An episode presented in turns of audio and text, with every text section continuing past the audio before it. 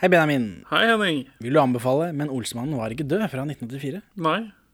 Vil du anbefale, men Olsemannen var ikke død fra 1984? Ja. Helmaks, Egon.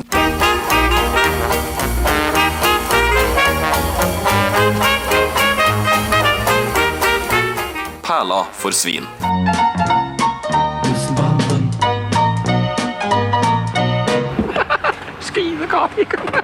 Velkommen til Perle for svin, podkasten for deg som syns det er litt trist at Egon Olsen sitter inne for barneporno i det som kunne ha blitt den siste Olsenmann-filmen.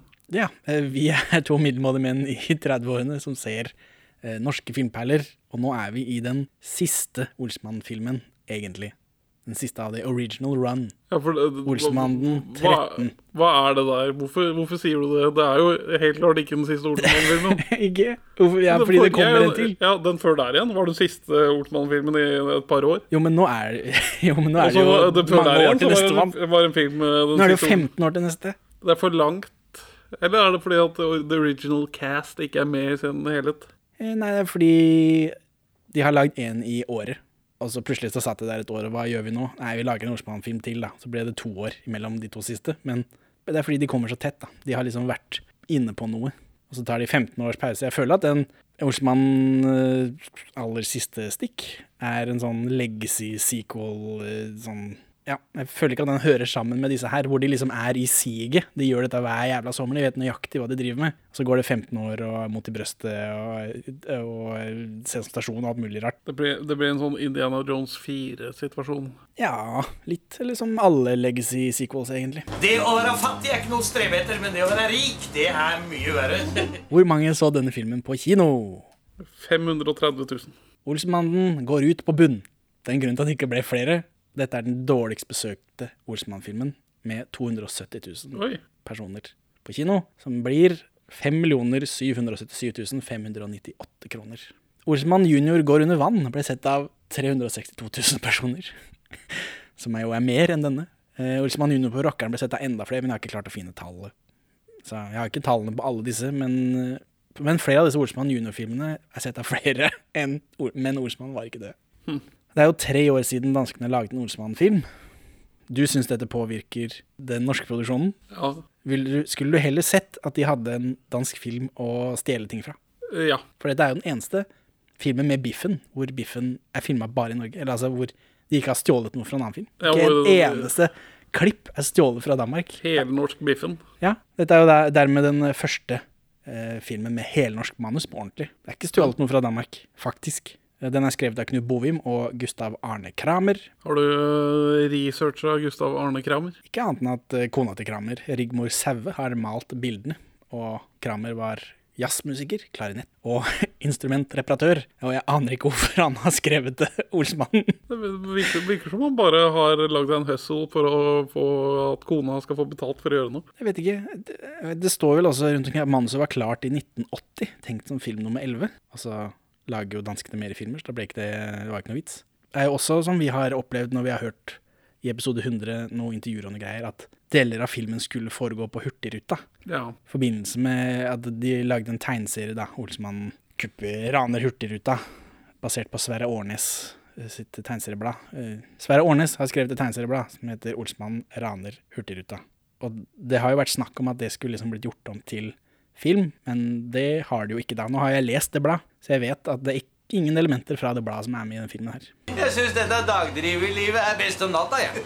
Dette er siste filmen til Karsten Byring, før han rusler. Og siste filmen til Sverre Wilberg. Nei. Altså siste Olsmann-filmen til Sverre Bilberg? Ja. Ja. Ikke den siste filmen, punktum. Nei, nei. Men hvem? For han er jo med i Camilla tyven, for eksempel, som vi har snakka om i podkasten her. Ikke du, men Kajsa og jeg. Eh, Camilla og tyven er episode 59, for de som har lyst til å se den. Eh, Karsten Byring dør i 1990, 71 år gammel. Og Sverre Yrberg døde da i 1996. Eh, Munchmuseet krevde bildene ødelagt, men noen fikk til slutt leve mot at det ble trykket Team Film med store bokstaver på baksida. Og syv av de har Er de så gode, de, disse invitasjonene, altså? syv av de har hengt i stua til Bo, Knut Bovim. Han har jo rusla, men det er et sånt portrett, Aftenposten-portrett, hvor du kan se de. Altså hvor de har snakka med han og tatt bilde av han i stua si, og der henger de. Sverre Holm treffer sin tredje kone, Kari Anne, på flyet til Sør-Frankrike, hvor filmen spilles inn. Eh, Hun bodde også på samme hotellet, men senere så treffer de hverandre igjen på gata i Oslo, og de gifter seg i 1990. Og dette er den siste Team Film-filmen til Knut Bovim, da han slutter i Team Film og begynner som direktør for Kommunenes Filmsentral, som er en sånn distribusjonssentral for film. For, for de som har sett bygdekino på 90-tallet, så har Knut Bovim hatt sin klamme hånd med i spillet. Å, penga mine! Penga mine! Politi! Politi! Exactly. La police.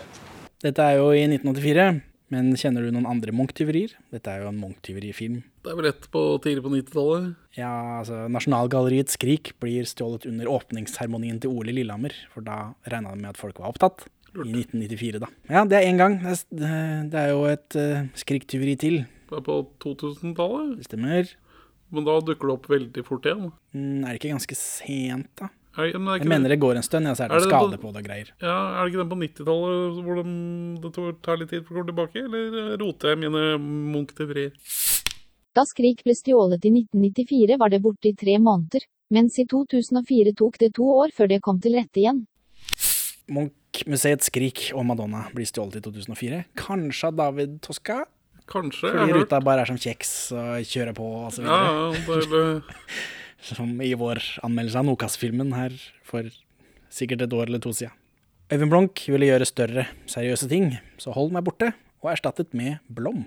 men har ikke, har ikke samme skuespiller spilt Holm også? Jo, det er Ulf Wengård, han som spiller små roller hele tiden i disse filmene, men han har spilt Holm i For full musikk, så jeg gir opp. Jeg vet ikke. Blom? Jeg bare Blom? Hva faen? De hadde ikke De hadde jo ikke Holm tilgjengelig. Eh, Ja, nei, jeg vet ikke. Øyvind Blunk var vel den eneste som satte sitt preg på rollen. Han var vel den eneste som spilte den to ganger etter hverandre. Det er, det er jo sjelden de her folka setter sitt preg på rollen. Han har jo faktisk gjort det. Han har gjort det. Ja. Men så, jeg vet ikke, de følte kanskje at det ville bli forvirrende for folk. Jeg vet ikke. Jeg vet ikke. Det er, eh, det er rart. Det er veldig rart. Hvor gamle tror du disse folka er her? For nå begynner de å bli gamle. Ja, nå ser de slitne ut. Bimar Ropsal, 62 63. Ja, det er godt gjetta. Sverre Holm, 58 53. Oi, oi, oi. Karsten Byring, Fem Nei, 64. 66. Ja, du er ikke så langt unna. Hver gang vi skal gjette på sånne tall, og sånt, så er du så nærme at det ikke er gøy. Ja, som regel. Eivind Skjønnemann, 250. 68 62. Og så er det Harald Heidesteen, den mest marinerte av de alle. Han er ikke så mye med i den filmen her, men han er jo med. 35. Han er 45. Og så, det, så driver vi og poenger disse filmene, og så har det poengsystemet brutt sammen litt. eh, fordi disse fire siste filmene er lagt opp så rart. Jeg vet ikke hvordan vi skal gjøre det. Jeg spurte Kajsa hva, hvilke elementer føler du er med i en Olsmann-film. Hun har jo ikke sett disse filmene med meg, selvfølgelig, for det er jo en, en pinsom jobb jeg må gjøre alene. Og så da har jeg fått en masse Olsenmann-elementer av henne, Ja. så jeg vet ikke om vi skal bruke de og poenget i med. Men nå som vi har sett altså Jeg vet vi ikke skal ha våre closing arguments om Olsenmannen helt ennå. Nei, det er jo en film eller to igjen. Men øh, nå som jeg har sett Olsenmannen og ting jeg har forventa ikke har kommet ennå, så Ja. har jeg en påstand. En dekkende påstand, og det er at Olsenbanden finnes ikke. Det, det er sterkt, sterkt tilbake sagt. til den uh, meta Den episoden jeg prøvde å dra inn, dra inn en metadebatt på, uten at jeg fikk noe gehør for det. Ah, Er det, Det ble, det ble for stort. Kongen og knekten, eller hva var dette? Jeg husker ikke. Arbeiderklassen kjenner jo ikke til dette metabegrepet. Så, men altså Nei, Olsenmannen finnes i våre hjerter, men ikke i virkeligheten. Hvilke elementer er det du føler mangler, da, når du først eh, drar det opp? Eller skal vi Bra til- filmer. Bra filmer, ja. det er det som mangler. Ja, det kan man si om så mangt.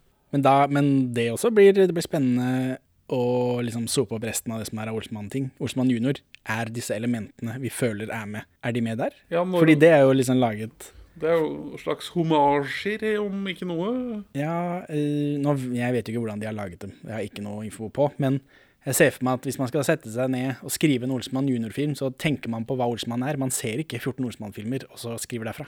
Enig, enig. Hva skal vi bruke penger til, Egon? Jo, først så unner vi oss to ukers ferie i sus og dus. Nå er det med Olsmann var død, eh, som åpner med slutten av forrige film, og Dagbladets forside. Egon Olsen sikrer verdensfreden, og så er det Korps, Øyvind Blunk er der, selv om ikke han har lyst til å være med i filmen her, så blir han tvunget med. Hermansen, alle hilser til hverandre, Harald Hedsten, junior i brownface. Alle går på flyet, ser etter kamera, eh, liksom vinker, alt det greiene der. Biffen flyr, og så tar flyet av, og så står det slutt. Spørsmålstegn, spørsmålstegn. Det skjedde også i forrige film, på slutten. Og så kommer det en Nå begynner filmen. Dette var recap av forrige film. Eller det var ikke det engang, det var bare slutt på den forrige. Å nei da, står det. Utropstegn, utropstegn. Det er ikke slutt. Så nå følger vi banden til Syden. Banden får en eh, flott leiebil av en fyr som klemmer seg inn i en bitte liten bil etterpå. Humor. Jeg tror det, men det er ikke morsomt. Nei. De skal ha to ukers ferie i sus og dus, sier de. Sus og dus? Jeg, jeg får flashbacks, jeg gjør det. For den pre-Olsmann-filmen er jo sus og dus på byen Jeg vet ikke om det er gjort med vilje, eh, men så er, viser det seg at Biffen er også der. Tan, tan, dun. Eh, Og de er i Monte Carlo, får vi nå vite. For nå er det plutselig et tidshopp. 14 dager senere, de er i Monte Carlo. Banden kuler'n på en båt. Kjell sier 'nå kjenner jeg at jorda er rund'. Benny sier 'jøss, har du fått hallusinasjoner'? Kjell svarer 'nei, jeg er platfot'. Hva er dette for noe? Jeg vet hva det er. Ja, Og det er at er det nå noen krigsgreier? For det tror jeg ikke noe på. Nei, nå, nå som det er helnorsk manus som ikke er basert på noe, så hviler filmen seg på ordspill i mye større grad. Men er det et ordspill? Nå kjenner jeg at jorda er rund. Jøss, har du fått hallusinasjon- hallusinasjoner? Nei, jeg er plattfot. Ja, rund plattfot, det, det, jeg syns det er et, en vitsen Altså, vitsen er et form for ordspill. Som om at det at han er plattfot, skal kunne påvirkes av jordas rundhet. Men det er dette med hallusinasjoner imellom. Ja, da, ha, eh, Det, det skulle, det, Benny spør han, Kjell kan ikke ha eh, hallusinasjoner fordi han er plattfot. han kan ikke hallusinere at jorda er rund, han, fordi han er plattfot. Hva betyr det? Jeg skjønner ikke. Nei, nei, merker at jorda er rund. Og da, da sier Benny, altså, som vet at uh, man kan ikke som privatperson merke at jorda er rund. Hvis ikke man Det- flyr. Hvis ikke man flyr, nei. Så at Kjell påstår at han gjør det når han er nede på bakkeplan. Det går ikke. Så da spør han om han hallusinerer jordas rundhet, og svarer han nei, jeg er plattfot. Og det, da er vitsen Hva har det med at jorda er rund å gjøre, da? Nei, nei, vitsen er jo at da, siden da plattfot betyr at du ikke har denne krumningen i fotbladet. Det er bare en helt flat fot. Ikke? Ja, det vet jeg. Så han merker at han ikke matcher med Det er bare et ordspill. Grunn, jord, Rund jord, Det platt fot. funker jo ikke så morsomt. Nei, det er ræva manus, fordi man har skrevet det i Norge uten å kunne bare kopiere noen dansker. Uh, Valborg bestiller champagne og Perrier av Veslemøy Fosseriet, som vi har snakka om før. Hun er jo Valborg body double sist gang de er i Spania. Ja. Og da får vi se at de har fått en veldig lang regning, da. Eh, Valborg vil gjøre opp nå. Egon har kofferten lenka til hånda. Som før. Dette er jo gjenbruk av bilder. Ja, det kan jo ikke gå galt eh, når man har lenka fast kofferten til hånda si. Ja, ja. selv om det gjorde det sist, da. Det burde jo Egon bite. Eller man kan bare dele Egon i to, lett som det er. det kan man også gjøre. Men man kan jo også bare åpne kofferten og ta ut pengene, fordi det er kofferten er jo lenka det, Håndtaket er lenka til hånda, men håndtaket sitter jo ikke fast i lokket på noen måte. Nei, og skal du bare sage av en hagle og bare skyte noen har rett av. Eller så kan vi gjøre som filmen gjør, da. For Biffen er jo også der, da. Så hva har han gjort i 14 dager? Uvisst. Nei, han har bare Han har, Han har leid seg en dykkerdrakt, da, Fordi nå har han klemt seg inn i den, og så går han rett ut i havet, og det er litt av et syn, har jeg skrevet. ja. Biffen i sånn våtdrakt. Egon låser kofferten fast i stolen. Hva er poenget med den kjettingen? Hvis du ikke. skal ha det på deg. Biffen klipper kjettingen da med avbiteren etter at han liksom dukker opp av vannet der, og så tar han kofferten akkurat idet kapteinen skal ha betalt. Og kapteinen fyrer et nødbluss for å tilkalle politiet. Er det, er det sånn man gjør det? Lefling, for lett lefling med nødbluss ser man ofte på nyttårsaften, og i denne filmen. Ja. Det er vel her det startet, tror jeg. Det kan Hvor folk mistet respekten for nødblussets hellighet. Ja. Så da blir det panikk i banden. Karsten Byring hopper i vannet, og så bytter de vinkel, så jeg kan ikke bekrefte at det Aud Schønemann og Sverre Holm gjør akkurat det samme, men Karsten Byring hopper i vannet. 66 år gammel, pælmer seg i vannet. Men det er en generell greie Altså én ting som man kan se i veldig mange Olsenmannen, er at det er Kjell som gjør stuntet. Ofte. Uforventa. Gjør farlige ting. Når da? Henge i kran så vi sist. Det Ja. var stuntmann. Nei, det er nå, det. Det er noe. Ja. Er det det? Om det er stuntmann, eller om det er noe? Om Det er stuntmann. Ja, det er 100% Ja, vi, vi ser han sitte på sånne gaffeltrucker og henge på siden av tog og sånt. Han sitter ikke på gaffeltrøkk, han kjører kjerra. Hestekjerre. I den gaffeltrøkk-sekvensen. Så er det eh, Arve Oppsal som sitter der. vi har nevnt det flere ganger. Dere får lytte gjennom og telle antall ganger eh, Kjell gjør noe farlig. Det er oftere enn man hadde forventet av denne fegisen. Men altså, dette er jo Skuespilleren Karsten Byring hopper i vannet. Ikke karakteren Kjell. Han gjør også det, da, men Han står på vannski. Ja, men det er karakteren Kjell, ikke skuespilleren Karsten Byring. For det er en stuntmann. Ja. Men Karsten Byring alkoholiker, 66 år gammel, eh, dør av kreft om seks år, hopper i vannet fra båten her. Men det har vel med hans alkoholisme å gjøre. Eh, At han er full, så det er greit. Da tar han sjansen. Mener du? ja, ja, ja, ja. ja, ja, der var han seks år allikevel. Oppa! Og så tør ikke er Schønemann og Sverre Holm å gjøre det samme. Ja. Det kan hende de har gjort det, men de bytter vinkel, så jeg kan ikke bekrefte det. Og så ble Egon arrestert, da, selvfølgelig. Utvekslingsavtalene. ja, når man ble arrestert i Monte Carlo, så blir man utvekslet til Norge. Det vet alle. Hvis ikke det bare er en sånn Interpol-greie for Egon Olsen spesifikt. EF har funnet ut at det, det Den fyren der, han må vi sende hjem. Så er det Botsenschat. det er pan til uh, De paner til juristorkesteret, som står ved siden av porten og spiller Olsmann-tema. Hva er dette for noe? Dette, er- dette er norsk humor. Fri, eh, løsrevet fra dansk humor. Ja, for nå er det Harald Heidsten jr. Som er dirigent, uten brownface denne gangen. Overraskende nok. De spiller When the Saints Come Marching Out. Er dette noe? Ju- ju- ju- Juriststudentenes orkester eller noe. Ja, er dette noe? Ja, fordi Studenter driver med ting. Ja, ja, men fordi dette De skal liksom hylle Egon Olsen, for det er han som gjør at de kan få ta klekkelig honorar. Ja, Siden han han er sånn serieforbryter. Det er noe sånt at de liksom, Han holder de ved live. Ved live. Men altså, vi har aldri sett noe rettsdrama. Nei, nei, nei. Så dette, denne vitsen faller litt flatt. Egon går ut, og så hilser han på de da. Så er det Benny og Kjell som henter, selvfølgelig, som vanlig. Og i leiligheten så er Valborg glad og serverer øl. Kjell får vorterøl. Og her det er close-ups og sånt noe. Det er vi ikke Det begynte de vel med her i forrige film. Ja, Men her, men her er de Det er close-ups, og alle hodene er klippet i toppen. Hva er dette for noe? det, det er ekstremt dårlig arbeid. da. Men altså men, Det ser ut som de bare henger fra taket. Uh, uten dansk film Stage direction. Liksom. Uten dansk eh, klippebok å følge, så blir ofte foto her veldig, veldig, veldig lat. Det mye lat foto her. Vi setter opp denne Det kameraet her sitter. Nå er vi ferdig med å sette opp den scenen her. Nå kan alle bare snakke ferdig mens vi sitter i denne ene vinkelen hele scenen. Ja, nå er det mye sånn uh, boksete studioer i Danmark òg, da. Selv om de kan faktisk bevege Ja, kamera men hvis ja, de føler det, for det. det, det hender Hvis- at de flytter et kamera så vi får se ansikter og sånt. Ja, men de, i Danmark så gjør de det for, fordi filmen trenger det for effekt. Mens her så er det ikke så nøye på verken hva filmen trenger, eller effekt. Ja. Men det er fint, da. Nå kjenner jeg at jorda er rund. Jøss, har du fått hallusinasjoner av Kjell? Nei, jeg er plattfot. Valborg har begynt på malekurs, da, får vi vite her, og fått seg jobb i tillegg. Hvorfor det? Eh, hvorfor hva? Hvorfor hun har fått seg jobb? Ja. Fordi når Egon sitter inne, så eh, har de ikke noe penger. OK, hvorfor det? Hvorfor det nå, ikke før? Hun har jo også fått seg jobb et par ganger før, så det, det plaga meg lite. Hvorfor har hun begynt å male? Noe skal hun finne på, da. Der, eh, det er kommer en tid i en kvinnes liv hvor hun må breie seg ut og være kvinne, eller noe sånt. Nå. Ja. Og Hvorfor? den, den tida kom til meg allerede i fjor, det. Men eh, Men hvordan kan hun trenger å utfolde seg kunstnerisk. men, men, men hvordan kan hun være idiot-savant på maling, som det viser seg at hun er? Nei, Det er en veldig god kursleder her. Da. Det er Per A. Anonsen, han eh, som spiller Biffen i den ene scenen Ja. som eh, de ikke kunne ta fra Danmark i den første gangen Biffen dukker opp. Han er også produksjonsleder og noe greier. Jeg tror han hadde vært med og skrevet den siste, ja. Altså den forrige. Det han 12. Egon vil ikke ha arbeidsledighetstrygd fordi han er fagmann eller noe sånt nå. Her er det noe politisk nært noe ja noe, noe, noe politisk satire løsrevet fra Danmark. Ja. Det blir jo veldig spissa.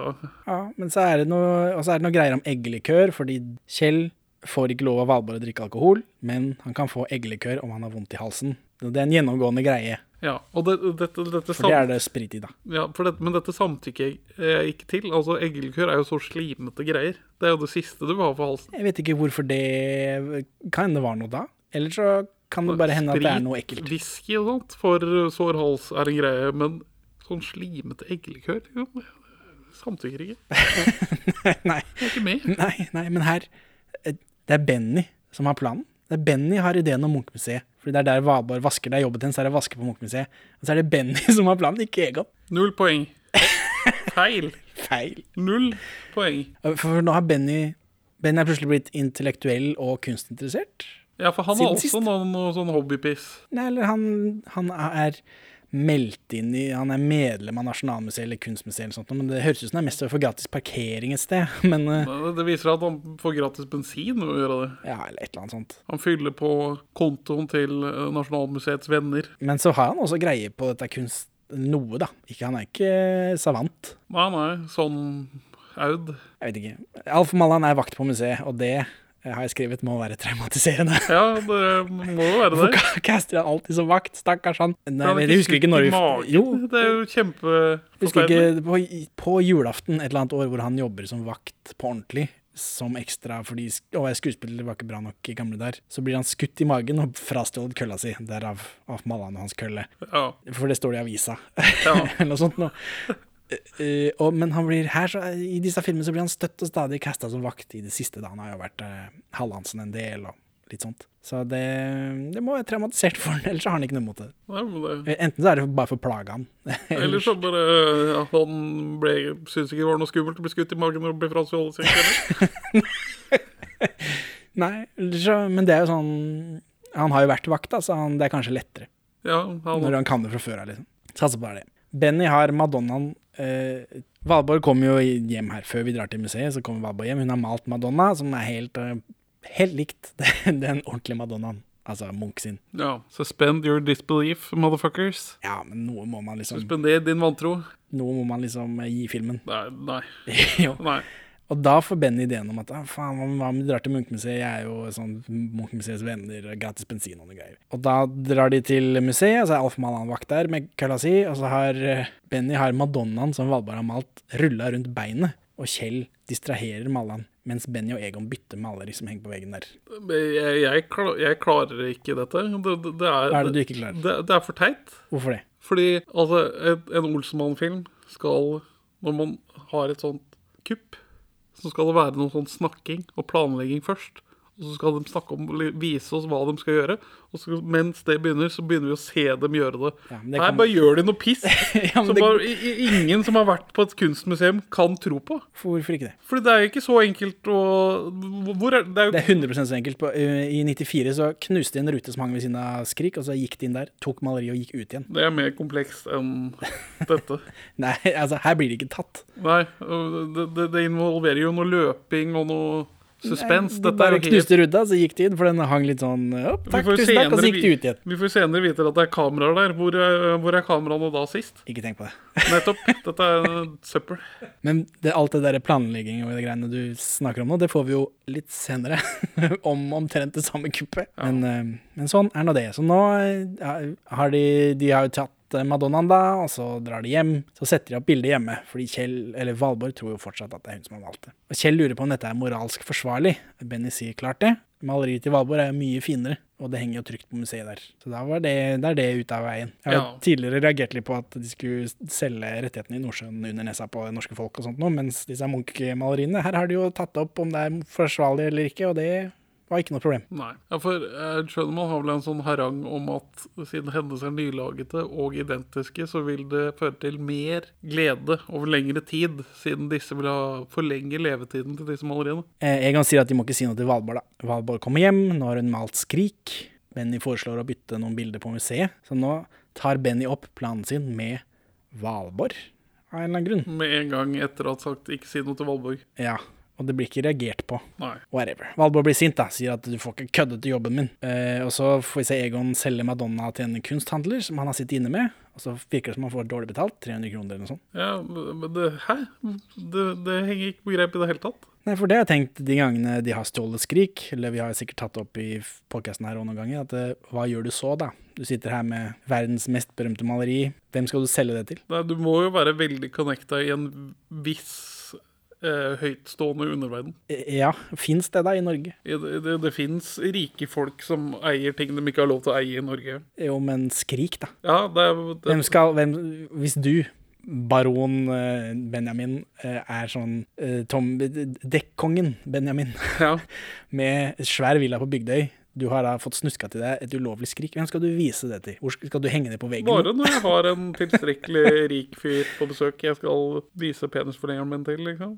Han, eh, han jaktkompisen jeg skyter elefanter sammen med to ganger i året. Eh, Det blir liksom sånne type vennskap. da. Altså, Når du er monstrøst rik. Altså når du er milliardær, det, det, du har noen moralske skrupler som er litt løse i snippen da. Ingen skal fortelle meg at denne munkemaleren er bedre enn jeg. Det er bare det at han selv er bedre.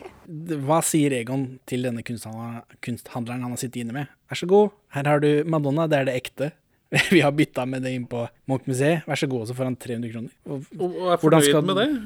nei, virker ikke som han er superfornøyd, for han får jo ikke mer. Men Det i an- den scenen hvor han overleverer maleriet, så virker det ikke som han er så superfornøyd, men det kommer ikke frem senere. Nei. Men, men. Eh, han går hjem til leiligheten igjen, eh, og så nå er det feil trapp, da, får vi se. Det er, det er ikke den trappa som det er i de første filmene, men samme, samme det. Det er riktig bakgård, da. Og det er den trappa her de begynte å gå opp forrige film, så da er det jo strengt tatt riktig sånn i kronologien. Ja, Uten at de har forklart hvorfor de bytta leilighet i forrige film. Selv om da, før der ens bodde de i en Obos-leilighet, da var egentlig hele gata revet, sier de i den filmen, men eh, de har bygd opp igjen, da, helt likt.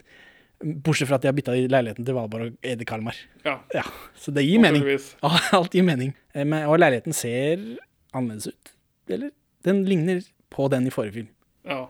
Men den i forrige film ligner jo ikke de andre. Men klart, det bygget har jo vært revet og bygd opp igjen, så det blir litt Ja. annerledes. Det henger på rep. Ikke helt, De men gjør ikke noe poeng ut av at de har telefon nå. Det sa jeg. Ja, men det er vel bare du og jeg som bryr oss om fordi vi har sett den der telefonsketsjen. Ja. Uh, Egon er forbanna på at gutta har tatt Skrik og dratt aleine. Altså, de har tatt Valborgs Skrik og dratt alene til Munkemuseet for å bytte. For nå som det er norsk manus, så er det mer forviklingskomedie igjen. Ja, altså For hvilke malerier er det som til slutt ender opp med Det tror jeg har notert Altså, For det er to er parallelle? Det er to parallelle Munch-kupp som foregår. ja. Det ene er Aud Schønemann som erstatter For Aud Schønemann får denne ideen uavhengig av de andre, og utfører det eh, samtidig som de også gjør det. Ja. Så de bytter jo litt sånn rundt omkring. For det er vel sånn at Olsenmannen drar og stjeler Aud Schønemann sine kopier. Nei. Jo. Eller nei. Jeg har skrevet det ned på slutten. Jeg orker ikke. Vi må ta, ta det på slutten. Jeg har også notert kanskje denne filmen er morsommere om man ikke bryr seg om det. Fordi det blir slitsomt. Men skru av hjernen, din, så kan du nyte filmen! Nei, nei, det er ikke det jeg sier, men eh, det å følge disse maleriene fram og tilbake ble vanskelig. Men nå, den ekte Madonna er solgt for 300 kroner. Det er det eneste vi kan slå fast. Enn så lenge. Benny og Kjell eh, er jo da De skal jo kuppe Skrik, da. De går inn i museet med et teppe, eh, men så blir de stoppet av Jon Skolmen. Jon Skolmen har vi jo sett i episode 100, at han intervjuer disse Olsmann-folka etter at de har sunget en sang. og dansa litt. Ja. Jeg har Valborgs ville brød. Vi er dømt å holde da. Vi ære, skjelt i blad. Vi lever. For Egon skal vi slåss så lenge det går blod igjennom oss. Eh, men eh, de går bare inn når han har snudd seg, da, for John Skolmen han spiller en vakt. Benny og Kjell eh, sliter med teipet rundt teppet, så her er det noe business, da. Og så kommer Egon offscreen. I en ordentlig film så hadde dette vært gjort på en sånn måte som å shit, hvem er det som kommer nå? Nå er vi busta. Men det gjør de ikke her. Ja, er Han bare dukker opp offscreen med en sånn kniv og hjelper til, vær så god. Og så er det ikke gjort på en skummel måte.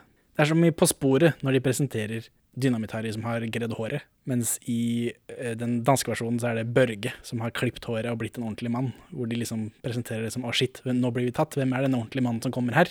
Og det er Børge. Mens i Norge så er det bare hei, du har gredd håret, jeg. Det er, det er liksom ingenting. Ja, Man skjønner ikke hva poenget er, man- eller man klarer ikke å fortelle noe med bilder. Nei, men her er det jo Dette er jo et norsk manus. Hvorfor har de skrevet inn dette om ikke det var for å filme det på den riktige måten? Eh, Egon har en svær kniv, da, så da får de opp teipen. Problemløst. Eh, Hjemme i leiligheten eh, med både teppe og maleri. Valborg er ute og går med støvsugeren sin Ja, og, i, ute i gata fordi hun har vært på jobb. Og så plutselig så får vi høre tankene hennes. ja, da- Det var forstyrrende. Hva er dette i Olsemann-filmen min? Det Altså, nei. Nei. Det skal det ikke være. Men se for deg at dette er en oppfølger til Sus og dus på byen. Og da henger det litt mer på grep. ikke en oppfølger til tolv Olsemann-filmer. Hun eh, kom på den samme planen som gutta, da, uavhengig av dem, i, liksom, i hodet sitt. Ja, Men hva er motivasjonen hennes, da? Det er jo det her med å gi Få en slags anerkjennelse om hvor god hun selv er til å male. Og det hun da forklarer det som at disse andre malerinnene de driver og går i oppløsning. Hvis jeg lager nye, så vil det få lengre levetid. Ja. Valborg kommer hjem i leiligheten. Hun har jo da kommet på denne eh, lureideen, uavhengig av Gutta Boys, så hun tar da med seg maleriet som henger i leiligheten, altså Skrik, som er Munch sitt, Ja. og stikker det inn i støvsugerøret, for nå skal hun bytte tilbake. Eller altså, hun skal da bytte det hun tror er sitt, med Munch sitt, men det er omvendt. ja. Ja. Så er vi i museet, Valborg skal bytte bilder, eh, men Jon Skolmen avbryter henne, eh, og hun begynner å aggressivt vaske skrikbildet. Morsomt. ja. For det, det er ikke bra. Nei. Skolmen blir forskrekka, men Valborg sier at hun bare har en rammeavtale, og så vasker hun ramma. Ordspill. Ja. Mer ordspill enn helnorsk manus. Ja. Og så bytter hun bilde, da. Så nå er Munch sitt skrik tilbake på plass Ja. Er dette noe metakommentar fra Knut Bovim? på Olsenbanden? altså Originale Originaler ikke. Ja. ikke, tenkte ikke på det når jeg så det, men det hadde vært veldig gøy om det var det. For det, det, er, må, det er jo ett Det kan i Kopier teorien kan være like gode som originalene. Ja, det, det, det er det Knut Bovim prøver å snike inn i deg, Henning. Det hadde vært veldig gøy om det var gjort med vilje, men det kan jeg ikke tenke meg. At noe som helst er gjort med vilje. Nei, altså, De klarer jo ikke å presentere at Egon kommer inn fra sida offscreen for å skremme folk.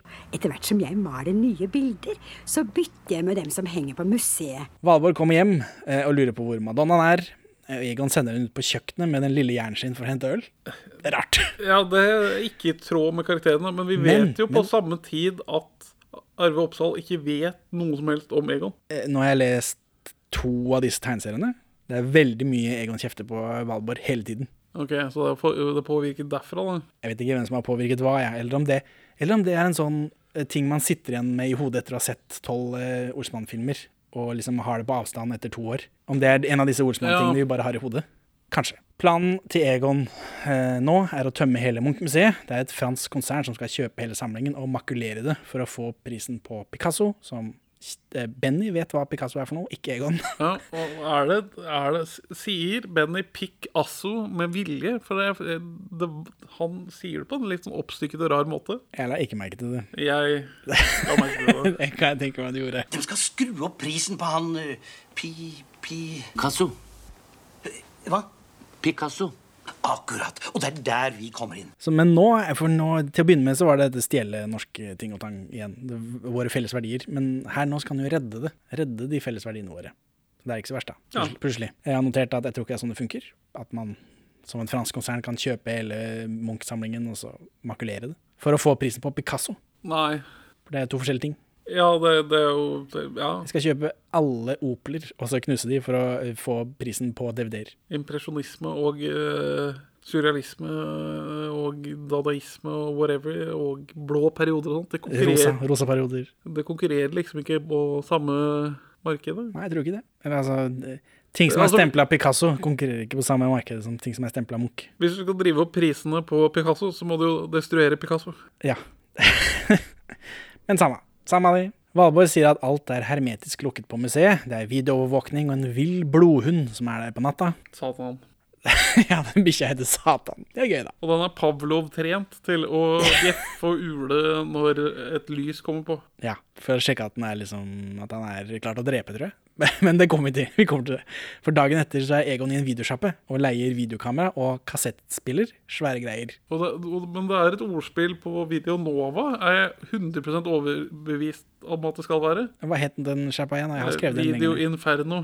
Video Ja. Nova er Video Supernova, ikke sant? Supernova, Inferno Kanskje. Video... Det er, det er lang vei å gå, men ja. Det kan jo kan være. Og, og denne, denne Det er bare Sony, Sony, Sony, Sony, Sony Betamax i denne videobutikken. Ja. Banden trenger en klapper til kuppet sitt. Og virkeligheten bryter sammen. Hvor er det de får tak i en klapper fra? Ja, de kjører jo ned i Keisersgata gate til Team Films studioer. Som eh, det skiltet deres er tydeligvis en sånn klapper, da, i hvert fall for filmens skyld. Så tar de skiltet på døra, som det er denne klapperen. Her får de nesten bot av en parkeringsvakt. Noen du kjenner igjen? Det er noen cameo, men Knut Bovim, vet Er du. det Knut Bovim? Ja, ja, ja. han var- jo på kontoret likevel. jeg syns ikke han var seg sjøl lik her. Men det jeg tenkte på, er det Knutter'n? Er det Bovim? Det er det. Altså, det er gutta på museet, de filmer. Kjell klapper på tommelen sin i et eh, beinhardt stunt. Han har jo, Tommelen hans har fått kjørt seg før, i Data-Harry, vel. Ja.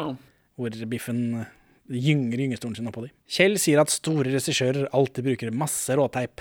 Kjenner deg igjen? ja det, det, dette, Det blir jo en del råteip når vi spiller i en podcast også. dette er en Kubrik-vits, tror jeg. Generelt store regissører bruker masse råteip. Hvordan han spilte inn for 2001 Space Odyssey? Sånn 1800 timer med film eller noe? Sikkert.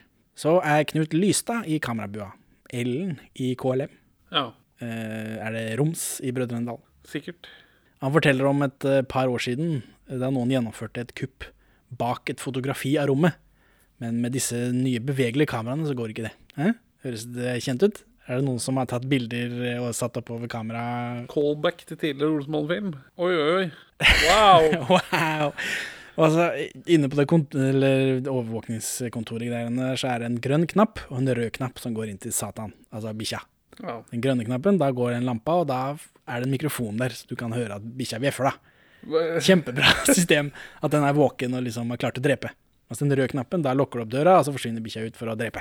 Ja. Banden er jo veldig redd for den, eller altså, Knut Lystad demonstrerer disse knappene, eller den grønne, for oss som ser på, og Jon Skolmen for så vidt, som er inne på rommet der. Radarpar Skolmen og Lystad. Ja, trykker på knappen, eh, bikkja bjeffer, og da blir banden blir liksom bekymra, og, så- og så pakker de sammen og drar, da. Eh, Men så når de er på vei ut, så forstyrrer de Valbu og Valborg i sitt kupp, fordi hun driver jo med akkurat det samme, men uavhengig av dem. Det syns jeg er morsomt. Og så drar banden, da. Banden fyller bensin på kontoen til Nasjonalgalleriet. Er det kritikk av noe av dette? Jeg vet ikke, et eller annet, men noe sånt. Er det dyrt med Nasjonalgalleri?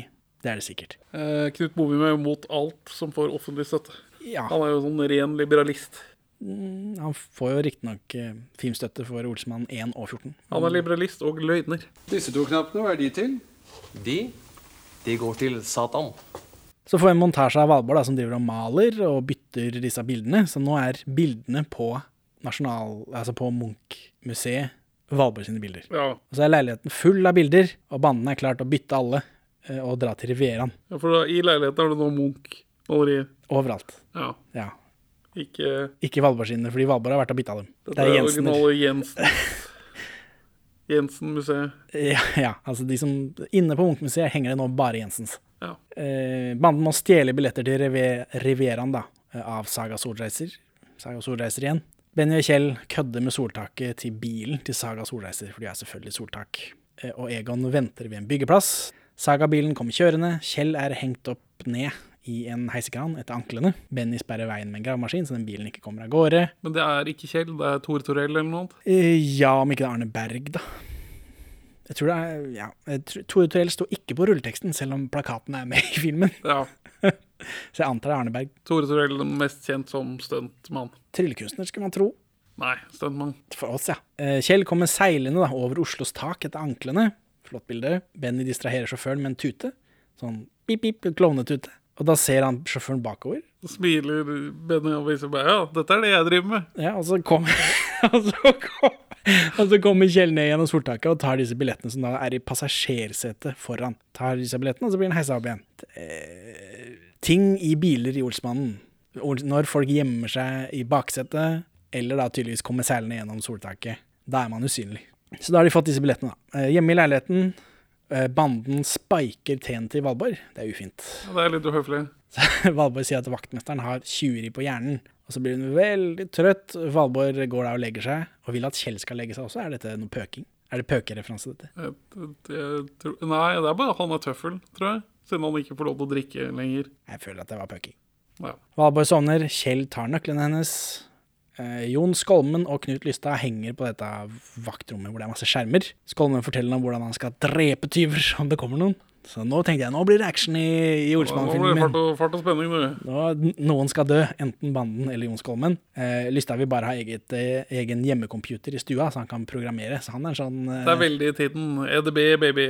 Ja, men EDB har det vært i ti år nå. Ja, men det er, det er litt rart at dette ikke er første gangen vi får eh, datamaskin-gaming i en oldman-film. Ja, altså, men han vil ha en hjemmecomputer i stua, så han kan programmere. Hva er dette for en fyr? En programmeringsfyr? Var det noe på 80-tallet? Altså, det var jo noen. Ja, men, Men er han en nerd, liksom? Skal han være en nerd? For han er en sånn Securitas-vakt. ja, du har jo liksom sånn eh, Hva heter det Commodore 64. Ja, men det er vel det som kommer opp her, er ikke det? Ja, det er masse sånne greier hvor folk begynner å programmere sine egne greier. Jeg har et spill da, som han kobler opp til en av skjermene, eh, som han og Skolmen liksom gamer på. da. Så da har de ofra en overvåkningsskjerm for å game. Ikke helt sikker på om det funker i den der konsollen, den disk-greia deres. Whatever. Banden kobler overvåkningskamera til den VHS-en de spilte inn tidligere på dagen, da. så da går jo det fram og tilbake, ikke sant. Kjempelurt. Eh, Skolmen ser at de flimrer, at det flimrer på skjermen. At når de bytter om, så ser Jon Skolmen det, og da, for å være helt sikker, så sjekker de om den bikkja er i orden, for de er opptatt med å spille. Så da trykker de på knappen, og så bjeffer den bikkja, og da blir Kjell redd, men han blir sendt ned for å dope ned bikkja, da, av Egon. Og så, er, eh, så driver de driver og gamer, da, Skolmen og Lystad, og så er Skolmen lei av det spillet. Det er trøtte greier, akkurat som NRK. Satire. Nivå. NRK-kritikk NRK-kritikk igjen. Og så bytter de spill da til Hungry Horace. en Pacman-klone. Ja. Og de spiller i toplayer, men det tror jeg ikke går an. Pacman er toplayer. Jeg har ikke hørt om det. Nei. Men altså, jeg vet ikke hva denne Hungry Horror-knockoffen har som sin selling point. Nei, men og han sier det også, Knut Lystad. Ja, Hungry Horse, den er bra. Hungry Horse? Hva er dette for noe? Det en, de har ikke funnet det på for filmen. Det, er, det eksisterer. Det er et sånn Pacman-klone. Ja, det var masse kloner av absolutt alt. Eh, de sj- sjekker denne bikkja igjen, da, men nå har den bikkja sovna fordi Den har drikket så mye eggelikør, eller spist så mye eggelikør. Jeg vet ikke om leppje i seg kan kalles. Kjell har dopa den bikkja litt for hardt. Så det er Kjell da som må liksom stå på alle fire og, og bjeffe inni den mikrofonen. Humor. Eh, Ja, jo. Egon forklarer Benny at Kjell eh, må stå på alle fire og knurre da, hver gang det grønne lyset tennes. Eh, men lyset er jo gult. Knappen du trykker på er grønn. Så her er det noe Er det noe snusk i manus. Ja. Slurv heter det. Bu. Slurv. Men Kjell har jo litt sånn alkoholproblemer, så nå er han drita også. Har også sovna, fordi han vil også ha eggelikør, tydeligvis. Han kan ikke liksom Blitt er- nervøs. Nå er han utenfor uh, Valborgs klamme oversikt. Ja. Eh, Skolmen mener da bikkja høres forkjøla ut, fordi Egon er jo der nede nå og må bjeffe. Ja, det låter ikke bra. Nei. Teipen til banen er tom, og da går det et gammelt TV-opptak i stedet. Lista av Skolmen rykker da ut. Skolmen ringer Hermansen. Ja. Så er det 50 minutter inn i filmen, og nå får vi se Hermansen. Ja. Han driver og dikter sanger, så han har ikke tid til å, rykke ut. Selv om han sitter på overtid på natta og dikter sanger. Og det er jo ikke stjålet noe heller. De har jo bare funnet en tomflaske. Ja. Fordi når eh, Lystad og rykker ut, så har banden stikket. av. Men han de har jo bytta alle. telefon til en Ja, han har kommet inn på kontoret der, da. Det er ikke så nøye. Hva er Hermansen fortsatt den jobben her i det hele tatt? Er ikke han demotert til Jo, Sist gang så ble han vel fikk en avskjed på grått papir, men han har kommet tilbake igjen da, uten at han, de har sagt det til noen. Nå er han da helt løsrevet fra denne Mortensen-greia, men han er fortsatt en kontorrotte. Ja, Jensen tenker du på. Ja. Ja, han er fortsatt eh, det. Hermansen og Blom sitter med festforberedelser og porno til langt oppover knærne, sier Hermansen. Så kan, hva- han kan ikke rykke ut, han har ikke tid. Sirkelen er sluttet. Olsmannen ble født i porno, og Olsmannen dør i porno. Ja, ja, fordi Blom sier han har funnet en fæl porno Betamax, og Hermansen spør om det er noen nye varianter. Og den vitsen gjør de i den første filmen også. Det har jo gått 13 år, da. Er det, forventer de bare at vi har glemt det? Regner ikke med at noen sitter med Betamaxene sine eh, 40 år etterpå og, og, og binger alle filmene. Lusete amatør! Lista Skolmen finner ut at de må etterforske selv for ikke å få sparken. For nå har de, de Det er jo ikke borte noe, de har jo bytta alle disse maleriene med identiske malerier. Altså, Nei. nå har de satt tilbake Munch-bildene. Jensen-maleriene er hjemme igjen. Ja, for de har Olsmann stjålet. Ja. Skolmen og Lista skal jo da etterforske hvorfor er det så mange Munch-malerier her. Eller hva har skjedd her? De vet ikke hva som har skjedd. Fordi nå er Munch-maleriene er tilbake. Men uh, banden flyr da til NIS.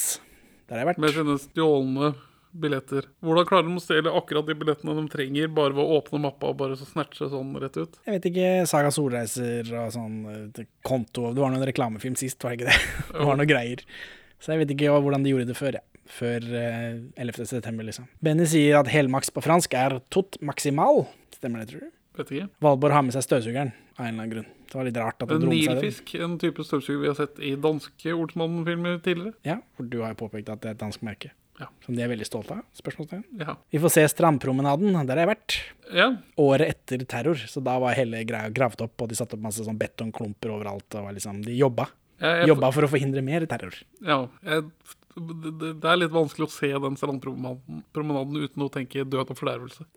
ja, for eh, 84 personer, det er mye. Det er mye, og på særdeles stygt vis òg. Ja, Så er banden i en villa. Eh, Jan Panderåsen tar de bort til bordet dem. Ja. Det er jo gubben til Valborg, altså Aud Schønmann. Ja. Valborg snakker fransk. Ikke verst. Ikke- Også en rar ting. Så treffer de en eh, Satek-aktig franskmann. Tenkte du på Satek? Satek, hvem var det igjen? Det er han narkolageren i himmel og helvete. Ja, når du sier det, så tenker jeg litt på Satek. For det er han. Det er, Det er per, det er per Tofte. Og t han er veldig brunaktig generelt. Så det kan hende ikke er brownface. Ja, At han bare er en brun type, liksom. Ja, at han er Det ganske finnes- solbrun generelt. Ja, I de bildene jeg har sett av han som Han lever ennå, som kjempegammel mann, så ser han fortsatt brun ut. Så det er mulig vi har eh, feilidentifisert han som brownface Satek i himmel og helvete, og det beklager vi selvfølgelig. Ja, naturligvis. Men jeg vet jo, jeg vet jo ikke heller. Satan, det er et uh, dyr. Jeg vil si rettere sagt et uh, udyr. De skåler i konjakk, men Kjell må ha eggelikør, da, fordi han får jo ikke lov til å drikke. Jan Panderovsen blir da sendt av gårde for å hente, og så er det noe språkhumor som ikke traff meg. Nei. Og så kommer det en kokk med et par egg. Det er Mattis Mathisen, fotograf for alle Olsmann-filmene og deleier av Team Film. Og så knekker de to egg i konjakken til Kjell. Det, blir det eggelikør av det? Er det humor, dette? Hva er dette? Det, det, jeg tror eggelikør består av eggedosis og sprit. Ja. Det er min teori. Ja. Men uh, dette er veldig vondt for disse franskmennene. Ja. Fordi det, man De krenker krenker de, konjakken, liksom. Ja. Franskmannen vil snakke med Valborg alene, og vi har jo sett Himmel og helvete, så det må du ikke gjøre. Nei, nei, jeg, pass på.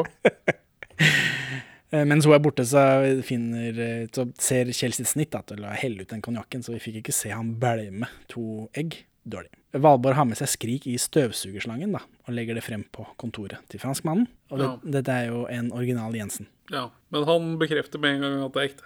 Ja, men han sier det til dem, men jeg vet ikke om det stemmer.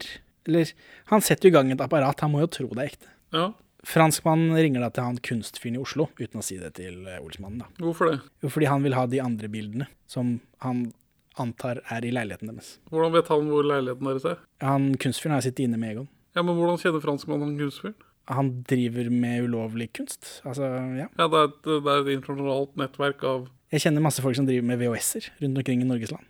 Om Ja. norsk, norske VHS-er. Jeg antar det er noe sånt, Ja, de har en Facebook-gruppe. for eksempel. Hverandre, truffet hverandre på et eller annet eh, ulovlig eh, kunstmarkedkonvensjon i Thailand. Kunstfyren ringer Biffen, for han trenger en, en enforcer for å gjøre dette. Og han, Biffen er nå på sirkus og løfter vekter. Hvorfor det? Men er ikke, er ikke Biffen kjemperik nå? Fordi han tok alle pengene. Jo. Burde ikke han leve i sus og dus i Frankrike? Hvorfor er han tilbake i Norge? Hva har han her å gjøre? Han trives på sirkus. Han er en arbeidsmann. Han løfter veldig tungt. Han er sånn Ja, men det kan hende Han er sånn strongman på sirkus. Det kan hende han eier sirkuset. al- Ja, han bare Ja, Han har investert alle pengene sine i sirkus. han løfter veldig tungt, altså. Viser seg at det er jo ikke så tungt. Men dette her husker jeg fra barndommen. Det, Sirkusbiffen står sterkt i min, mine barneminner. Ja, han kler sirkus, da. Han gjør det. Men Ja. ja. det blir litt for lite motivert til at det gjør noe for meg i voksen alder. Ja, men det er, det, det er barnefilmer dette har blitt. Du er en barnefilm. Banden drikker sprit, som i alle barnefilmer. Valborg og franskmannen kommer da eh, tilbake. Avtalen er i boks. Han kommer og henter resten i Oslo. Biffen bryter seg inn i leiligheten til Kjell i Oslo samtidig som dette skjer. Og så eh, er banden er hjemme. Eh, de prøver å gå på grønt, men så har Valborg med seg støvsugeren sin. Og så er Rico toller Ja. Eh, og stopper dem fordi han skal sjekke støvsugeren. Valborg sier hun har støv på hjernen, og det er terapistøvsugeren hennes. Eh, Terapidyr og sånt, fantes det på 80-tallet? Det, kan ikke- det er ikke satire dette på det, for det fantes ikke på 80-tallet, det er jeg sikker på. Nei, det gjorde det ikke. Det er, det er eh, satire på progressivitet fremover i tid. Ja, vitsen fungerer bedre nå enn da. Ja. Så er kunstfyren i leiligheten til Kjell med biffen, og kunstfyren kan lukte at maleriene er falske, så han slår biffen to ganger. Og dette finner han seg altså i biffen. Ja. Svære fyren. Millionær er han også. ja. Sirkuseier, kanskje. De pengene Olsenmann hadde, er det det Egon fikk? Ja, Det var, eh, jeg holdt på å si løsepenger, pros, eh, finnerlønn for de 75 millionene i den eh, våpenavtalen til Høye Nord. Så det er 7,5 millioner kroner, da, for finnerlønn er vel typ 10% i Norge? Ja. Og lovfestet. Ja, eller ble det ikke noen finnerlønn, og så er det de fem millionene som Hallandsen hadde i Ja. lommen, i jakka si. Det er en av de. Enten så er det fem, eller så er det syv og en halv. Biffen har gråtetryne etter at han har blitt slått to ganger. Når Skolmen og Lystad ringer på døra, for da har han kunstfyren har gått. Og da stikker Biffen ut bak bakveien, og så bryter Skolmen og Lystad seg inn, for dette har de hjemmel til, tydeligvis, som vaktmester og sekuritasvakt på Munchmuseet. Og eh, mens de roter rundt der sånn, så finner Lystad brudebildet til Basse og Gry, så det er hyggelig at eh, Ja, De får- litt, litt basse i monitor, det er greit, det. Ja. Eh, og Egon, Ol Egon Olsen er en kjent karakter, fordi han er også på dette brudebildet. Så Lystad ser han, så blir de liksom bekymra. Ja, for vi har jo denne virkelighetsbrytende Olsmann-filmen fått bekreftet at Olsmann er veldig kjent. Ja. Så da bestemmer de seg for å bytte maleriene. Så for at ikke Egon, den skumle Egon Olsen skal legge merke til det, så tar de de andre maleriene og legger de tilbake. Oh. De som er hengt opp. Sånn, de tar det som viser seg å være Jensen-malerier, henger opp på Munchmuseet, og tar Munchmuseene ned og legger dem i leiligheten. ja, er det det som skjer Det til er slutt? det som skjer nå. Og her får vi se at Biffen har gjemt seg under en seng. Han har ikke gått ut bakveien. Altså, vi vet jo det er etablert at de har en bakvei i den leiligheten her. Men han gikk ikke ut der. Han ligger under senga, av en eller annen grunn. Kan det være nødvendig å sveive sånn frem og tilbake mange ganger, da? Det er resultatet som teller. Store regissører de bruker alltid massevis av råfilm. Eh, altså råteip. Blom har blitt satt på en annen sak. Hermansen skal ha razzia på Video Inferno. Ja, av noe ulovlig pornoomsetning. Ja.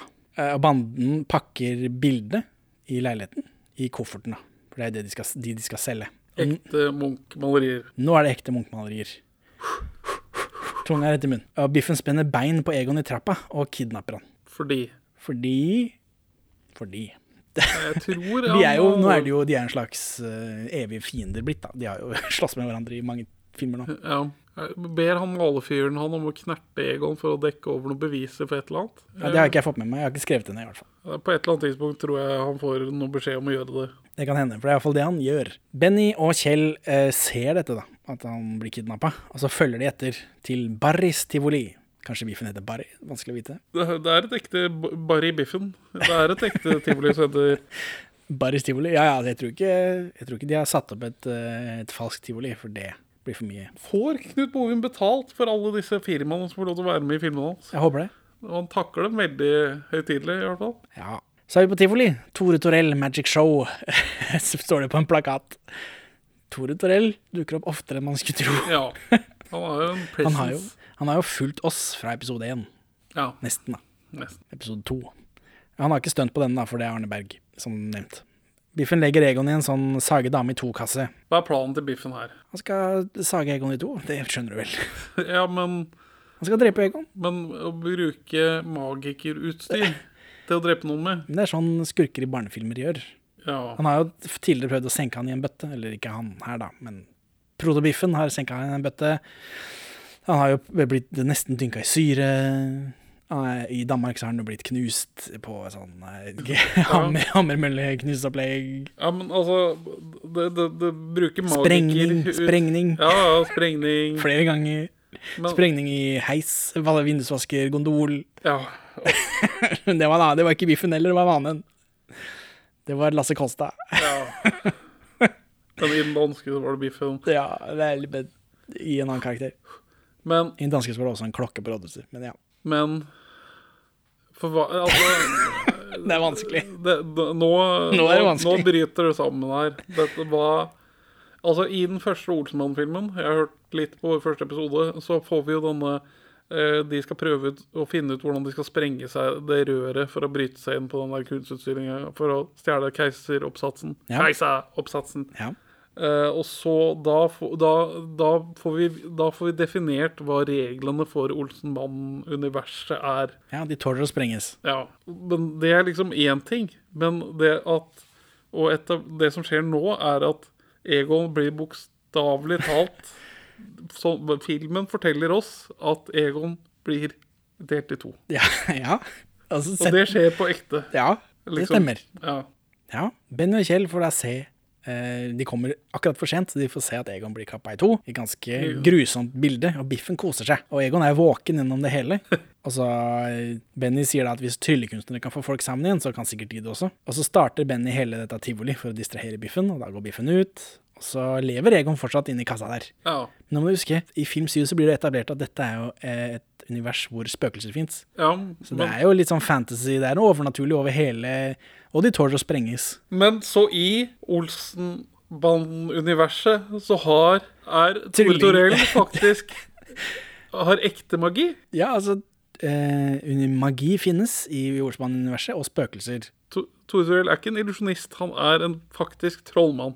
Ja, altså Magic Show, ikke illusjonistshow. Det er Ja, ja. ekte, alle som magikere. Magi, magi Tore Torell pleier spesielt. å være illusjonisme, da. Mens her Nei, ikke Olsmann. T Trollmann Tore Torell. Trolle Trollell. Jeg vet faen jeg.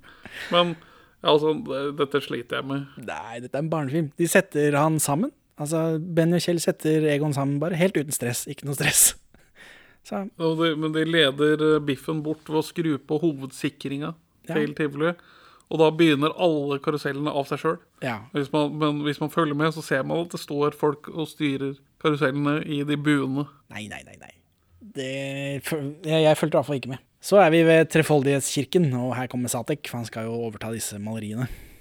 Altså franskmannen, da. Ja. Samtidig så er Hermansen razzia tvers over gata i Video Inferno.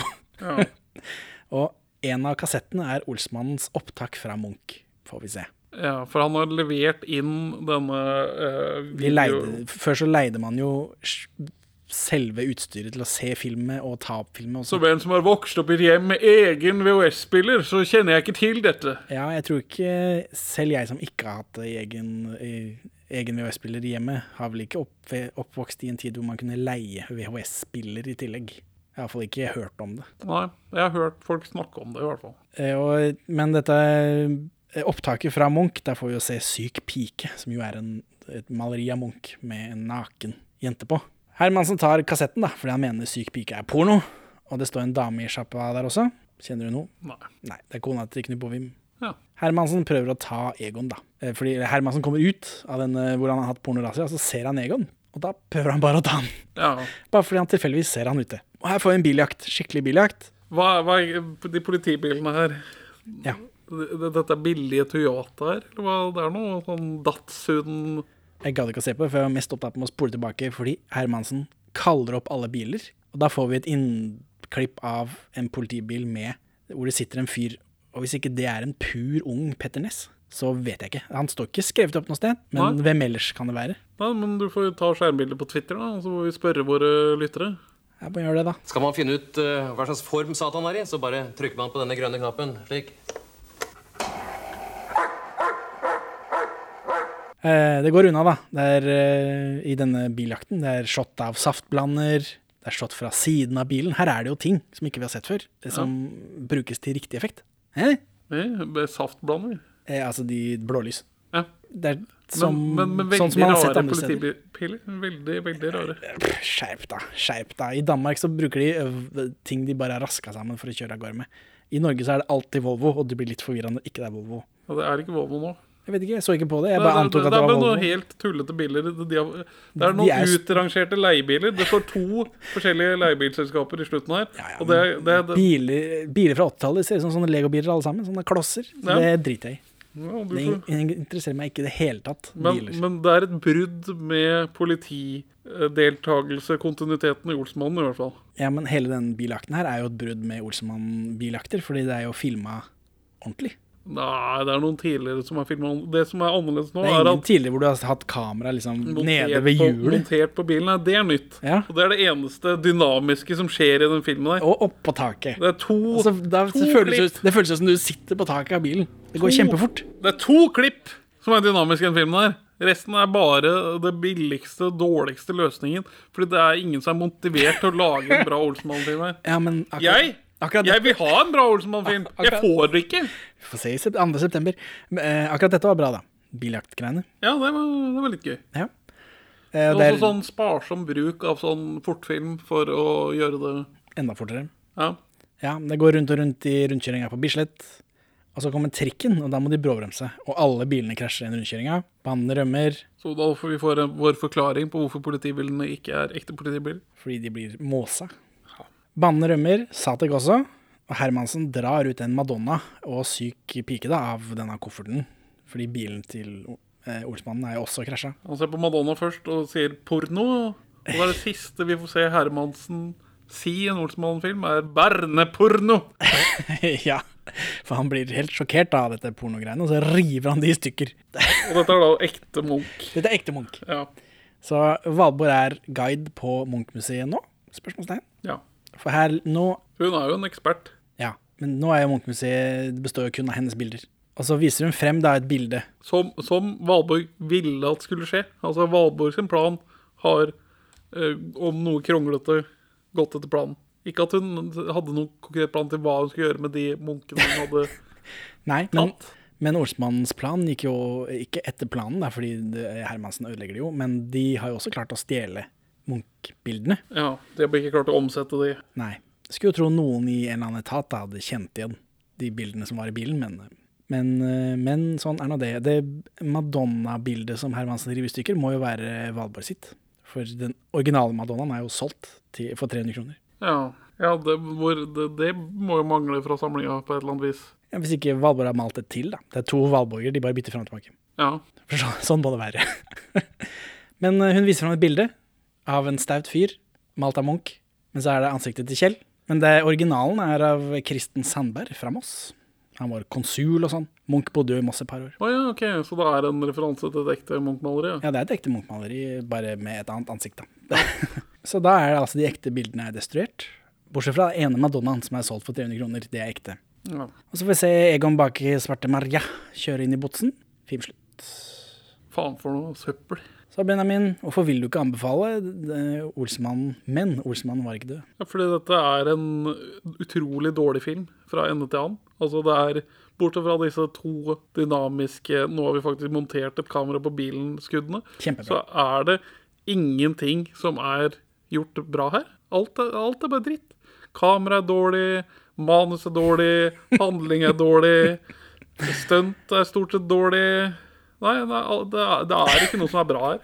Og det, jeg, jeg skjønner ikke hvordan du kan anbefale, bortsett fra av vane. Det får vi jo vite nå, da. Så Henning, hvorfor i svarte helvete har du lyst til Hvorfor i melaninrike helvete har du lyst til å anbefale den filmen her? Dette er da meta-kommentar på at det er noe fundamentalt galt med språket vårt som har svart som en negativ farge. Ikke fordi jeg syns svarte er dårlig, det er fordi språket vårt er dårlig. Så Henning, hvorfor vil du anbefale den filmen her?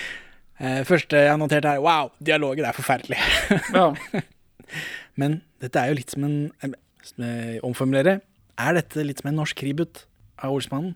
Det føles veldig annerledes. Kameraføring, dialog eh, Det, det de sier, og hvordan de sier det, er jo veldig veldig dårlig, men det er veldig annerledes. Eh, Og så syns jeg, jeg, liksom, jeg synes, Det merkes jo at de står på egne ben nå, at ikke de har en film å kopiere. Ja. på godt og vondt, som man jo har hørt av den diskusjonen. Og så er det kameraføring fra innsiden av biler og gjennom frontruta og sånt. Og det ligner ikke Olsmannen da, i kameraføring. Nærbilder hvor hodene er klippet av, riktignok, men nærbilder. Det er ikke så mye av de, det er færre nærbilder enn tidligere. jo, men når det dukka opp så tidlig i filmen, så ble jeg veldig liksom tatt ut av det. Og så er jo eh, filmen er urnorsk i manus. Dette kunne de ikke gjøre i Danmark. Munch-plottet, ja vel, kanskje de har en eller annen eh, dansk kunstner, men pornografidelen, som jo er utløsningen på hele greiene, kunne de ikke gjort i Danmark. For det fins ikke politimenn i Danmark som blir sjokkert av pornografi. Nei. Og Biffen-delen er jo veldig barnete, da. Munch-delen er forvirrende og kjedelig. eller eh, Eller er det barnete det også, om man ikke prøver å holde styr på om maleriene er ekte eller ikke? For det føler jeg ikke jeg gjorde eh, som barn. Eh, Men her er jo, nå er jeg veldig opptatt av det, og følge med, liksom. Så, og så er det det satanplottet, eller bikkjegreiene. Det er veldig barnete. Nei, det, var, det er helt ålreit, og det Biffen-greiene er liker jeg. helt er Helt ålreit. Hvor, hvordan da?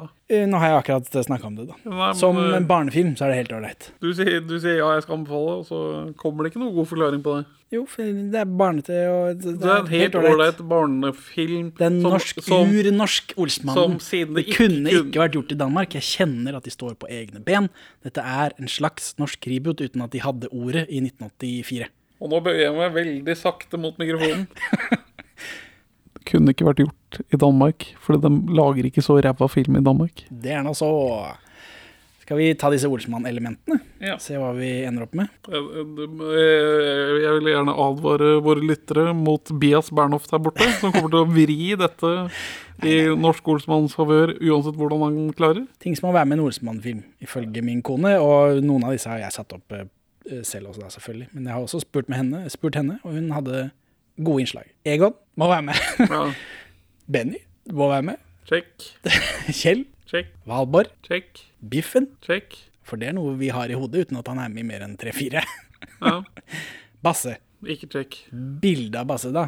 Nei, det holder ikke. Hvis vi er, det på, hvis vi er på desimaler. Vi er på desimaler. Halvt poeng. Men uh, altså Halvt poeng for bildet av Basse. De refererer Basse eksisterer i den filmen her. Det er flere av de andre filmene hvor han ikke eksisterer i det hele tatt. Ja, okay, OK. Ja. De har to andre barn som har slutta å eksistere for lenge siden også. Han må få en halv en. Bias Bernhoft is at play. Dynamitt-Harry. Han er jo ikke her. Harald Hedsten er jo med, Men uten som- brownface, Som en jurist den gangen her. som en juristdirigent. Ja, det er ikke poeng. Ikke et halvt poeng. Det er, øh, men øh, Kajsa har vel kanskje ikke dratt frem dette, men gjenbruk av skuespillere er jo en Olsenmann-greie. Ja. Så det kunne vært et slags poeng, men Alf Mallan er jo også med her. Ja. Her drar det jo også inn nye folk, da, som, er, som igjen bidrar til dette reboot-følelsen. Ja, ja. Jon Skolmen og Men så bryter vi med denne ø, evige resirkuleringen av navn da, ved å gi en karakter som tidligere har spilt Holm, navnet Blom. Ja. Det er jo- Igjen reboot-følelse. Det føles ut som dette som de har eh, sett de tre første Olsenmann-filmene, og så ni år etterpå skal de lage en reboot. Ja. Ja, hva tror du? Dynamitt-Harry? Halvt poeng der òg? Nei. Halvt poeng der òg. Hermansen, da. Selvfølgelig. Botsenshot. Det må man ha med. Ja, Det har vi her, både inn og ut. Skapknekking. Det er det ikke. det er det ikke. Så, eksplosjon. Det er det vel heller ikke, hvis ikke det er noe på sirkus der. Nei, det er ikke det. Nei. Egon i fengsel to ganger, og det har vi. Altså at han slipper ut i starten, og så Eller at Egon i fengsel ganger to er Ja. det notert. At, Er dette, er dette virke fra Kajsa? eh, ikke disse, men når vi kommer litt lenger ned. Okay. Dette er ting jeg har gjort meg før jeg så filmen. Kors på halsen, før jeg så filmen. Æresord. Sverg på DVD-samlinga di. Jeg sverger på DVD og VHS. Jeg sverger på min fysisk mediasamling. Ja. Fordi jeg også vil at dette skal bli riktig, selv om du eh, legger på meg at jeg vil at Norge skal vinne. Men jeg vil at det skal bli riktig, så jeg har gjort det på forhånd. Egon i fengsel ganger to, ja. For han kommer i fengsel, og så kommer han kanskje på slutten også. Ja. Kjell forbanna på Egon. Skjer det i denne filmen her? men, og, og, og Egon slipper unna med å slenge dritt til Valborg. Ja. Det er jo karakterbrudd. Ja. Både fra Egon, Valborg og Kjell. ja. Egon slått ned, og det skjer han blir tatt i trappa her. Ja. Jeg har en plan, det sier han jo selvfølgelig. Eh, oppfinnsom plan har jeg skrevet. Nei. Det er jo dette kameraet, da, og så er det noe det- satan-bikkjegreier. Ja, det er gjenbruk av elementer fra tidligere Olsenmann-filmer. Ja, du vil ikke kalle det oppfinnsomt? Nei, det er ikke oppfinnsomt å ta komponenter fra andre Olsenmann-filmer og re-varme det opp igjen for denne. Helmaks, det blir jo sagt både på fransk og norsk. Oui, oui. Er det farlig? Det husker jeg ikke om Kjell sa. Tror ikke det. Det er noe bikkjegreier der, da. Jeg vet da faen, jeg. Norske flagg, det tror jeg de har når han kommer ut. De står og vifter med norske flagg, liksom. Ja. Eller det, er jo stand-in for den sekvensen da, hvor de tar han imot. Og det gjør de. Fyll på for en femmer i forgårs. Det tror jeg ikke de sier. Det er lenge siden de har sagt. Nei, men de har en sånn fylle på vits her, da. Har de det? Ja, for han, Benny sier ja, vi må dra og fylle bensin, og da sier Egon nei, det har vi ikke råd til. Ja, det er sant. Og så, men, men det, er, det er ikke noe problem. Og så virker det som om de skal gjenskape en eller annen den, den sekvensen fra Olsenmannen tar gull.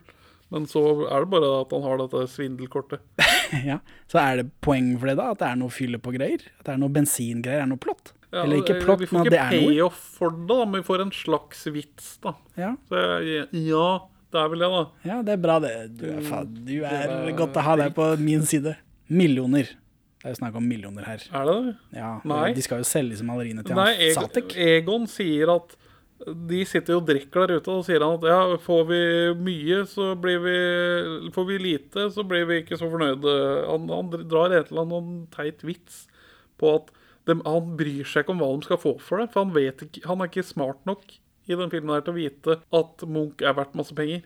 Han, han forhandler, forha- forhandler ikke noe hardt. Hva, hva summen er som kommer ut når Valborg kommer ut, det er liksom det de kommer til å si seg mest. Det er ikke noe snakk om millioner her. Ikke? Jeg tror ikke det, altså. Men Jeg mener at de har vært millioner, men det kan hende det er den traileren til den nye filmen. Rask Ma Mallorca-reise. Altså, de skal utføre et kupp, og så skal de dra tre timer etterpå. Det vet jeg ikke. Jo, de har stjal jo disse billettene. Jeg vet De følte ikke hadde tidspresset på Nei, oss. de, de nevnte aldri no, når og hvor og hva. Nei, Time og tilrettelagt, det er det selvfølgelig. Er det det? Selvfølgelig er det det. Når sier de det? Altså, de skal jo ta bilder av dette. Satan, den bikkja, selve kuppet er tegna tilrettelagt. Det er jeg helt sikker på. Gamle Oslo. Ja. ja, vi får jo den rundkjøringa på Bislett, da. Ja, den bilen. Og Trefoldighetskirken og alt mulig rart. Biljakt, det har vi. Eh, Trefoldighetskirken ser ganske lik ut den dag i dag. Det er mer eh, poeng. Jo, jo, men å, ja, kornete, sånn som det var i gamle dager. Da faen, jeg. Folk liker å se ting de har sett før. Ja. Oppblåste egoer som blir jekket ned. Dette er fra Kajsa, hører jeg. Har vi hatt det her? Nå er det jo Benny som kommer med planen. Jeg følte ikke at det var stikk til Egon. Nei, men Egon ble frastjålet eh, pengene i starten, da. Men Og eh, han blir jo tatt til slutt, da. ja, For noe annet, riktignok, men ja. Ja, for barneporno. ja. Barneporno. Barne, barnepornodømte Egon Olsen. Ja. Mm, som vi alle elsker han. ja. ja. Nei, den får få for den. Kjønnsstereotypier. Valborg er bare i leiligheten. Det stemmer ikke her. Nei. Men hun blir slengt tilbake på kjøkkenet, da. Andre maskiner enn biler. Tog, gravemaskin, heisekran. Ja. Det er det faktisk Kajsa som har sagt. Før, og hun har ikke sett filmen. Det var den lista jeg hadde. Hva syns du? Jeg er ekstremt skeptisk. For jeg er ikke enig Er det noe som mangler? Jeg er ikke enig i at dette her er en fungerende Olsenmann-film. Nummer én Egon har en plan ut av fengsel. Det skjer ikke. Nei. Og her klager han konkret over at han ikke satt inne med noen interessante folk. Ja, for det- dette er, dette er en reboot, Benjamin. er en- De er leker med elementene. De dette- leker med elementene. Dette er en mislykket Olsenbanen-film. Det er mange rebooter som er mislykkede. Ja, ja, men dette er en av dem, og jeg syns ikke den skal belønnes for det. Hva, Hva, hvor mange hvor- poeng vil du gi dem, da? Det, uh, Nå er vi, Det ble 19, og så skulle vi dele på 3, var det ikke det? Jo. 6,3 poeng. Det syns jeg er for meget. Du syns det er for mye? Ja, for, jeg, For en hel Olsmann-film. Ja, for jeg ville helst vurdere hvor denne fra null til ti, hvor vellykket den er som en Olsmann-film, og da ender jeg med på fire, altså. Det blir fem, da. Møtes på midten. Ja. Denne, denne får fem poeng til å Fem, fem poeng, verdens beste film. ikke noe problem. Helt ålreit. Så skal vi ranke det, før vi liksom pakker sammen for i dag. Så les start fra bånn, du, tror jeg. Øh, fra bånn. Olsmann og Dynamitt-Harry. Det er det med Kari Simonsen. Ja. Det er nummer tolv her. Det, det, det hvor- de i film nummer to begynner å leke med formatet. Ja, men det er fordi de vet ikke hva de skal gjøre med Olsmannen. Nei, nei, men det er fortsatt en veldig rar beslutning. Da er det jo ikke et format, på en måte. Det er bare sånn skjer det denne gangen. Elleve, 11. Olsmannen møter kongen og knekten. 10. Olsmannen og Dynamitt-Harry mot nye høyder. Det er den med helikopter. 9. Olsmann gir seg aldri, hvor de drar til London. Eh, og 8. Olsmann tar gull. Sørlandet og bunkers og greier. 7. Olsmann og Data-Harry sprenger Verdensbanken. Det med Data-Harry, da. 6. Olsmannen, den første filmen, med pupper og horer. 5. Olsmann og Dynamitt-Harry på sporet. Det er den med toget. Fire, Olsmannens aller siste kupp, syrefabrikk og greier, den forrige filmen. Tre, Olsmann og Dynamitt-Harry går amok, fryselager. Og så er det to, Olsmannens siste bedrifter, Egon blir senka i bøtte. Og én, Olsmann får full musikk, sprenger seg gjennom Nationaltheatret. Og Ming Vase, og så, videre. Denne Du har jo veldig sterke følelser. Ja, det, det blir nederst eller nest nederst eller tredd nederst, tror jeg. Hva, hva- er det du føler? Et sted under midten, og tredje nederst er helt greit for meg. Ja. Det er ikke så bra, men det er veldig annerledes. Jeg liker at de gjør noe annerledes for en gangs skyld. Og biffen, har jeg barneminner om biffen som løfter de tunge greiene. Biffen på sirkus gir mening for meg. Eller tivoli. Vil du ha den på tredje nederste, da? Skal vi se. For da havner han over Over Kongen og knekten. Ja, for 'Kongen og knekten' er den mislykkede musikalfilmen. Ja, men Kongen og knekt samtidig Altså, vi må revidere det neste gang. Men Kongen og knekten for meg står mye sterkere når jeg ikke har sett filmen. Ja. ja, ja, det er noe der. Jeg skjønner veldig godt hva du mener. Ja. Men vi setter den inn der videre. Så på tredje nederst, altså på ellevteplass. Det er den- Dette er den ellevte beste Olsmann-filmen enn så lenge. Oh, Ja, ja. fornøyd? ja, nei. Ikke? Absolutt ikke. Ha det bra, Benjamin. Ha det bra, Henning. Snart er vi i mål.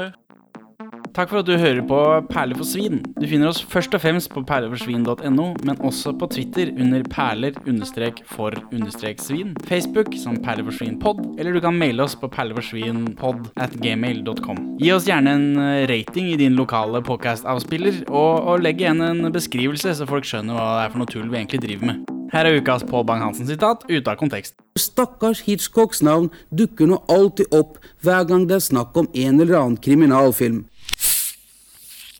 Jurister! Vi spiller i dag for vår fremtid.